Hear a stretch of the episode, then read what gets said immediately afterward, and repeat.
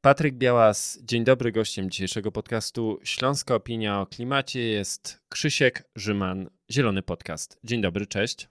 Witaj. Mogę mówić panie ministrze? Panie ministrze, nie wiem do kogo możesz tak mówić, to się okaże, kto będzie e, ministrem i w jakim resorcie. No, rozmawiamy w dniu, kiedy odbywają się konsultacje e, z prezydentem Andrzejem Dudą i może już będziemy więcej wiedzieli po tych konsultacjach i po pierwszym spotkaniu już takim oficjalnym e, nowej koalicji rządzącej. Skoro nowa koalicja rządząca, bo rzeczywiście spotykamy się w czasie, kiedy już wiemy, kto te wybory wygra, bo oczywiście te wybory wygrali wszyscy, każdy w tych wyborach jest wygrany, a szczególnie my jako społeczeństwo, społeczeństwo obywatelskie, bo niesamowita, fenomenalna frekwencja wyborcza. Natomiast ja chciałem zapytać, bo spodziewamy się zmiany e, tej e, koalicji rządzącej. Jak wygląda teraz ten krajobraz powyborczy i jak ta sytuacja dzisiaj przełoży się na tę zmianę, której możemy wkrótce doświadczyć? E, no, e, krajobraz oczywiście, jeżeli spojrzeć z perspektywy wyborców, e, wyborców jeszcze dzisiejszej opozycji, ale już wkrótce nowego rządu, no to krajobraz jest bardzo optymistyczny, no bo udało się wygrać wybory. Natomiast z punktu widzenia polityków nowej koalicji rządzącej, czyli polityków Koalicji Obywatelskiej, e, Trzeciej Drogi, Szmona Hołowni, Polski 2050 i PSL-u, Lewicy e, wreszcie, no to wydaje się, że dość trudny czas teraz czeka. Z jednej strony współpraca z prezydentem Andrzejem Dudą, zobaczymy do czego uda się go przekonać, kiedy zostanie powołany nowy rząd. No z drugiej strony układanki rządowe, dość y, skomplikowane. No i wreszcie pierwsze decyzje, które trzeba będzie podjąć, jeszcze nie wiadomo kiedy. No jeżeli ten, for, ten rząd się uformuje dopiero w drugiej połowie grudnia, będzie już bardzo późno na podjęcie niektórych decyzji, także tych związanych z klimatem i energetyką, bo pewnie o tym będziemy dzisiaj najwięcej rozmawiać. No tutaj chociażby przychodzą do głowy kwestie e, cen prądu dla odbiorców indywidualnych czy dla małych przedsiębiorstw w przyszłym roku, bo te są zafiksowane tylko do końca tego roku, co się wydarzy od przyszłego, jeszcze nie wiemy. Będzie bardzo mało czasu, może być bardzo mało czasu i chyba wiele na to wskazuje, że będzie bardzo mało czasu na pracę nad e, tymi e, projektami, a to jest dopiero początek, bo tych problemów się zakumulowało w ciągu ostatnich ośmiu lat, e, tych ośmiu ostatnich lat naprawdę bardzo dużo. Skoro o tych ośmiu ostatnich latach mówimy, chciałem zapytać, i zwłaszcza, że zgadzamy się co do tego, że pewna zmiana polityczna nam się szykuje, jak tutaj ta polityka klimatyczno-energetyczna się zmieni? Czy będzie to rewolucja, czy raczej spokojna, łagodna ewolucja tego, co rozpoczęło się przez 8 ostatnich lat. Znaczy, to, co do tego, że zmiana nastąpi, to już jesteśmy pewni, to się wydarzyło, wynik wyborów znamy i wiemy, kto będzie tworzył rząd. Czy dostanie tę szansę już na samym początku nowej kadencji Sejmu, zależy tylko od prezydenta. Natomiast to, że nowy rząd będzie rządem wywodzącym się z dzisiejszej jeszcze opozycji, ale już wkrótce większości parlamentarnej, co do tego nie mamy wątpliwości. Jeżeli zaś chodzi o politykę klimatyczną i energetyczną, mogę powiedzieć z dużą odpowiedzialnością, nie wyobrażam sobie, żeby to był rząd y, kontynuacji, bo przez te 8 lat działo się tak mało, tak powoli, tak chaotycznie i w tak przedziwny, dążący do jakiejś dziwnej centralizacji, ale jednocześnie zbierania tych wszystkich interesów w spółkach Skarbu Państwa e, w tak dziwnym sposobie. Nie wyobrażam sobie kontynuacji. Zresztą rozmawiałem przed wyborami z ekspertami e, do spraw energetyki e, z think tanku Platformy Obywatelskiej, czyli z Instytutu Obywatelskiego, ale także Lewicy, i to, to, to, to nie, nie, ma żadnej kontynuacji dla tamtej polityki, całe szczęście, bo ona była po prostu zła. W 70% miks energetyczny Polski jest y, zależny y, od węgla. Rozwój OZE idzie bardzo powoli, więc to, co nas czeka, to czeka nas y, duża zmiana, natomiast ona nie będzie tak szybka, jak pewnie byśmy chcieli, bo o ile w tych stu konkretach Koalicji Obywatelskiej zdaje się, że jest tam punkt o wiatrakach i to akurat można dość szybko przegłosować, pewnie będzie dlatego e, większość. Nie wiem jak z prezydentem, czy on później ten dokument podpisze. Grzegorz Onichimowski, czyli e, taki główny ekspert energetyczny e, Koalicji Obywatelskiej Platformy z jej think tanku, mówi, że to jest do przeprowadzenia. Zobaczymy, bo podobno prezydent Andrzej Duda nie przepada za wiatrakami w krajobrazie. No ale to jest tylko jeden punkt, a tych punktów, tych zmian do wprowadzenia jest naprawdę cały ogrom i to nie są tylko decyzje do podjęcia, co chcemy robić, no ale też przede wszystkim, jak to chcemy robić i jak to chcemy finansować. Polska nie ma pieniędzy z KPO, e, one są bardzo ważne w tym procesie. Pewnie nie tylko one, bo ogólnie środki europejskie z różnych funduszy, i z funduszy spójności, i z funduszy różnych celowych, o to wszystko trzeba zawalczyć. To pewnie nie będzie do uruchomienia na początku 2024 roku, pewnie bliżej roku 2025. No a później, gdy już ten kurek z pieniędzmi, z, z, z tymi unijnymi euro się odkręci, no to trzeba jeszcze umieć mądrze te pieniądze wydać i, i, i tak to poprowadzić, żebyśmy się nie zastanawiali w 2020, y, który to będzie, siódmym roku, gdy będzie się kończyła ta kadencja, no co, co, co dalej z węglem w Polsce? Mam nadzieję, że ta decyzja już będzie dawno za nami i to już zostanie podjęte, ale to naprawdę nie będzie, nie będzie łatwy czas dla nowego rządu w tych kwestiach energetyczno-klimatycznych. Ja chciałem teraz porozmawiać o tym, o czym bardzo lubię rozmawiać, czyli o technologiach y, i o udziale węgla w naszym miksie energetycznym i neutralności klimatycznej. Czy tutaj spodziewasz się jakichś ruchów, czy Twoja analiza programów wyborczych pozwala wyciągnąć Ci jakieś wnioski dotyczące tego, kiedy Polska odejdzie od węgla, czy ta data 2049 ona zostanie utrzymana i czy neutralność klimatyczna 2050 dla naszego kraju jest możliwa. Neutralność klimatyczna 2050 dla Polski na pewno jest możliwa i wydaje mi się, że ona może nastąpić szybciej. E, wystarczy tylko przyspieszyć transformację. Mówiąc transformację, nie mam na myśli tylko energetyki, ale także e, całą gospodarkę, wszystkie jej gałęzie, e, zarówno przemysł, ale także wszystkie inne sektory.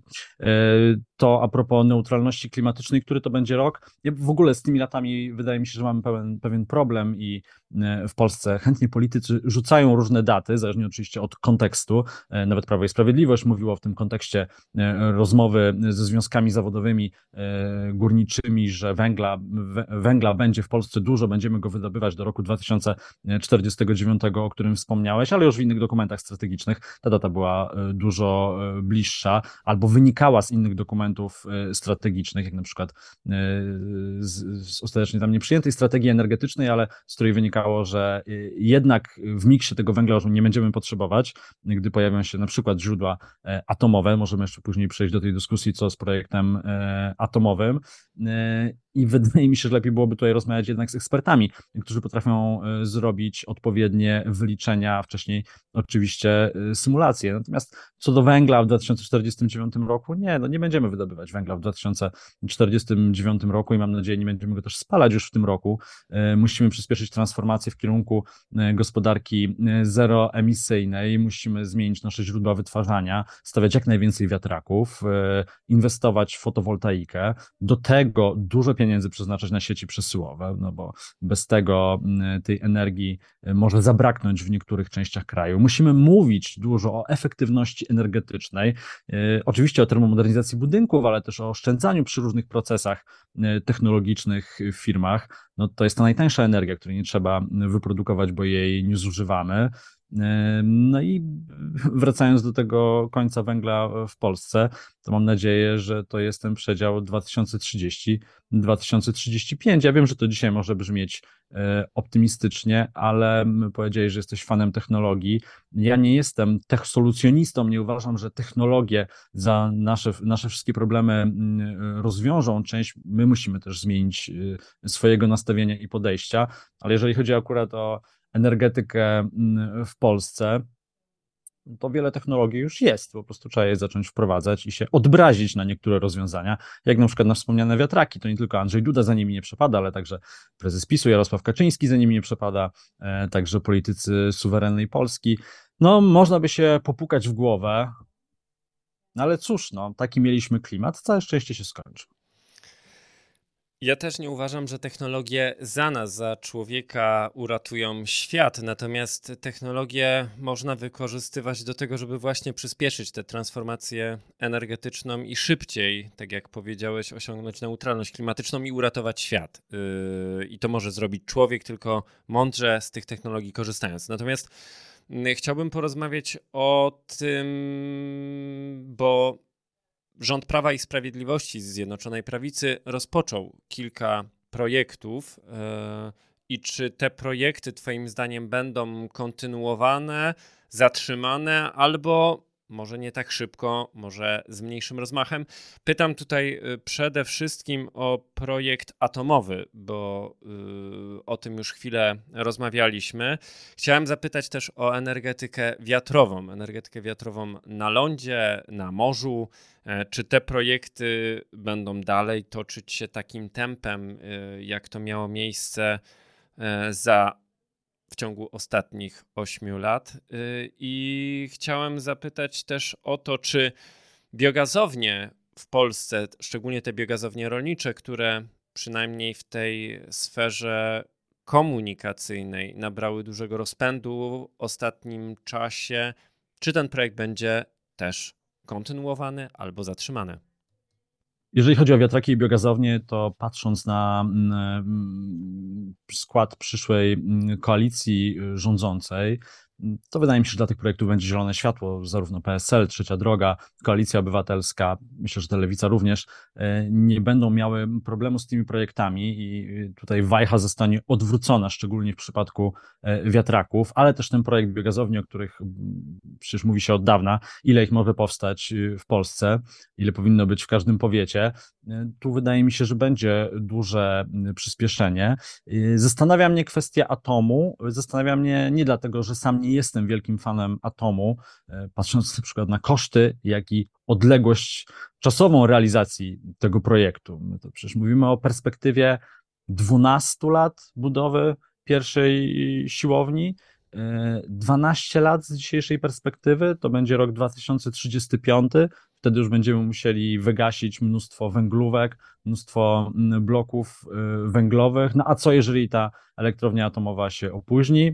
Kwestia kosztów, e, które pewnie dzisiaj są jeszcze niepoliczone, a na pewno kwestie finansowania nie są zapewnione dla tego projektu. Na razie mówimy tylko i wyłącznie o projekcie. Oczywiście jest to duży projekt także pod kątem politycznym, bo wiadomo, że e, trzy kraje starały się o mm, ten pierwszy projekt atomowy w Polsce, Stany Zjednoczone, Francja, e, Korea Południowa. Postawiono na Amerykanów, ale słuchając ekspertów partii już niedługo rządzących, czyli KO i Lewicy, to wydaje mi się, że wszyscy mają takie podejście, że temu projektowi trzeba się przede wszystkim przyjrzeć i go dobrze przeanalizować. Zresztą ten rząd pozostawi po sobie dużo takich rozgrzebanych projektów. Tutaj można wspomnieć chociażby centralny port komunikacyjny, który też jest takim ogromnym, megalomańskim projektem, który dodajmy, y, mi nie podoba się jeszcze, mm, tutaj przeskakując do atomu, to mi nie podoba się jeszcze z innego powodu, że jednak powinniśmy pójść w kierunku energetyki obywatelskiej, bliższej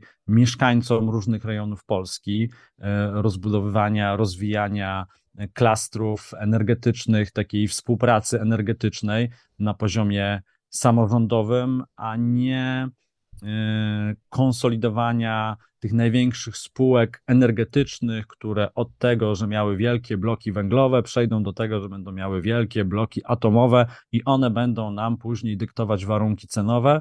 I pomimo tego, że energię z wiatru czy energię z fotowoltaiki moglibyśmy mieć dużo taniej, to będziemy płacić jakieś horrendalne kwoty za energię z atomu, więc myślę, y, że ci eksperci się mm, którzy pewnie znajdą się, y, czy to w Ministerstwie Energetyki, zobaczymy jeszcze, jakie ministerstwa będą y, w tym nowym rządzie, czy w spółkach y, Skarbu Państwa, czy jako po prostu doradcy, że oni się tym projektom przyjrzą i no i chyba słusznie, bo patrząc na skalę afer tego rządu ujawnianych w ciągu ostatnich lat, no to, to, pewnie, to pewnie bardzo dobrze, zwłaszcza, że tamten rząd jednak miał słabe zaplecze eksperckie, więc to się na pewno bardzo przyda.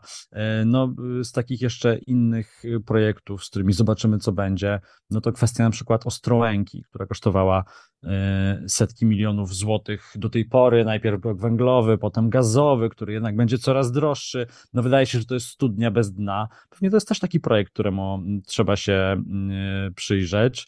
E, no i inna kwestia, bloki węglowe dotychczasowe, które będą musiały być wygaszane bądź ewentualnie modernizowane. No to wszystko wymaga teraz naprawdę bardzo dokładnego przyjrzenia się nowego rządu, ale jeszcze raz to podkreślam, bardzo liczę na to, że to będzie rząd, który będzie opierał się na ekspertach, e, też pewnie różnego pochodzenia ekspertach, tak? To nie, nie chodzi o to, żeby to byli eksperci jednego think tanku w tym rządzie, tylko ludzie, którzy mają różne spojrzenie, różną optykę i różne doświadczenia, tak żeby wypracować y, najlepsze rozwiązania, ale akurat to, że to jest rząd koalicyjny, co pewnie będzie powodowało dużo tarć i problemów, no ma tę zaletę, że te rozwiązania trzeba będzie wspólnie wypracowywać, a nie będzie y, to działo się tak jak teraz, że część y, decyzji pochodzi po prostu z Nowogrodzkiej, a inne dlatego, że tak się uparł jakiś minister.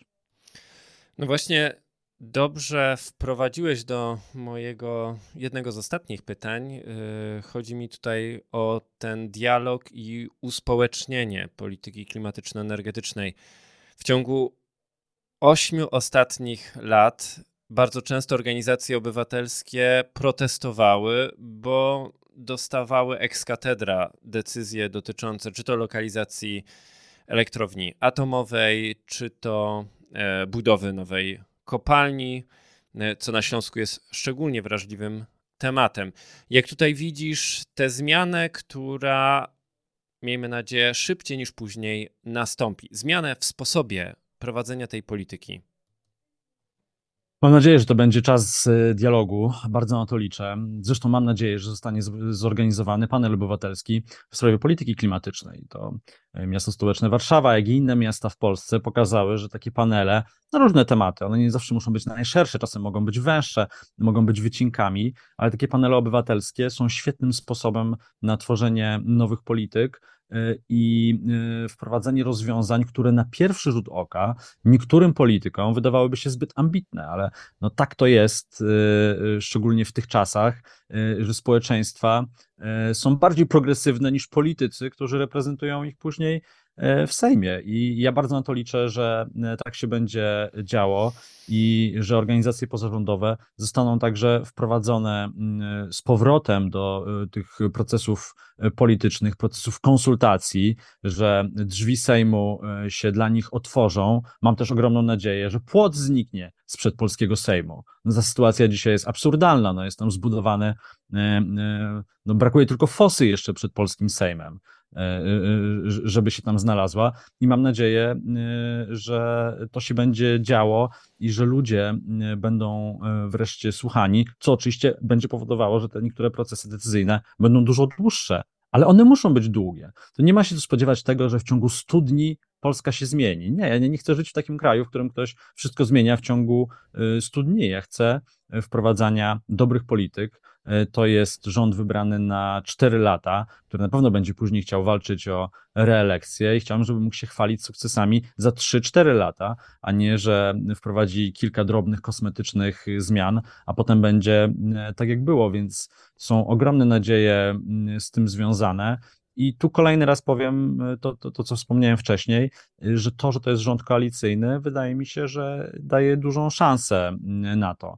Natomiast, jako byłemu dziennikarzowi Polskiego Radia przez 8 lat, do 2016 roku, do stycznia, muszę wspomnieć jeszcze jednej rzeczy. No, na pewno przy wszystkich tych procesach, czy to związanych z transformacją, czy przy nowych inwestycjach, czy wreszcie przy trudnych być może decyzjach o anulowaniu niektórych projektów, które zostały rozpoczęte przez poprzedni rząd. Mówię trudnych, bo nawet jeżeli to będą słuszne decyzje, to jednak dużo środków zostało wydanych, no i każdy tak y, na tak zwany chłopski rozum uznano, jak już trochę wydaliśmy, to może skończmy ten projekt i, i, i niech te pieniądze się nie zmarnują, to na pewno to wszystko będzie niezwykle trudne do wprowadzenia, jeżeli media publiczne nie zostaną w Polsce odzyskane. To znaczy, nie będziemy mieli prawdziwej debaty publicznej i nie będziemy mieli prawdziwej partycypacji partycypacji obywateli przy tych niektórych decyzjach, jeżeli polskie radio nie stanie się znów polskim radiem, a telewizja polska znów telewizją polską. To muszą być media publiczne, a nie partyjne. To będzie, to będzie jeden z, trudniejszych y, procesów.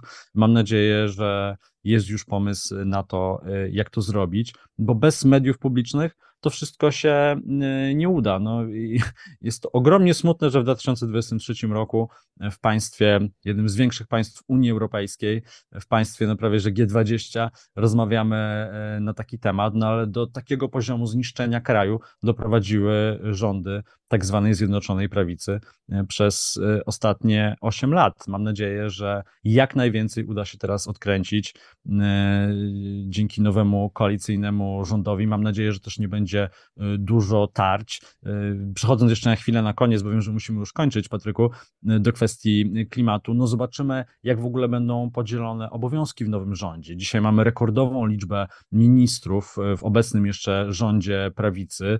Domyślam się, że Donald Tusk będzie starał się zmniejszyć tę liczbę, chociażby po to, żeby wysłać taki komunikat do obywateli, tu nie będzie rozpasania, tu nie będzie pustych stanowisk, tylko i wyłącznie tworzonych po to, żeby każda partia dostała e, swoje stołki. No, zobaczymy, kto będzie też ministrem klimatu i czy rzeczywiście będzie to osoba, która na klimacie się zna, czy osoba, która klimat sobie wybrała jako jeden z tematów kampanii, bo chciałaby e, jakoś e, skonsumować zainteresowanie e, tym tematem i po prostu na tym zyskać jakiś kapitał polityczny. To też na pewno będą bardzo trudne, bardzo trudne dyskusje wśród tych trzech, czterech tak naprawdę partii.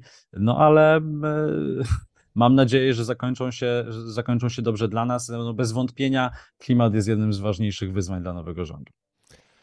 No i na zakończenie chciałem zapytać, co mówi się w Warszawie, jak ta giełda nazwisk wygląda, kto Twoim zdaniem obejmie tekę ministra klimatu, kto obejmie kwestie związane z transformacją energetyczną, energetyką czy ochroną środowiska? E, podpytywałem o to. E, widziałem się też z jednym posłem wczoraj e, i inną posłankę też wczoraj o to pytałem. No, słuchaj, no, w Warszawie mówi się tyle samo, ile na Twitterze w całym kraju, ile w artykułach w całym kraju. Wiadomo, że Szymon Hołownia, pod... No, wiadomo, no, tak się mówi, że Szymon Hołownia ma ochotę zostać e, ministrem e, klimatu. No pewnie logiczniejszym wyborem byłaby jednak Urszula Zielińska z Zielonych, która te ostatnie cztery lata w sejmowych komisjach udowadniała, że to jest jej temat i ona się na tym zna. Nie wiadomo, jak zostaną podzielone kompetencje, nie wiadomo, kto będzie kontrolował spółki Skarbu Państwa, spółki energetyczne, nie wiadomo w ogóle, gdzie znajdzie się energetyka.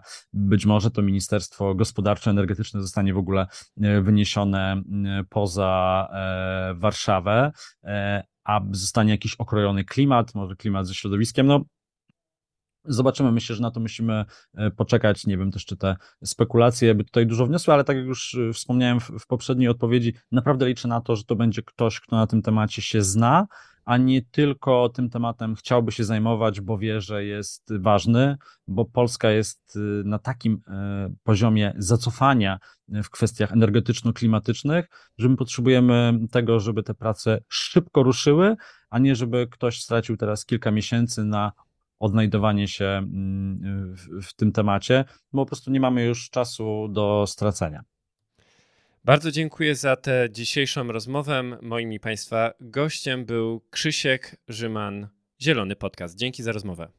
Dzięki również. To był podcast zrealizowany przez Stian Media.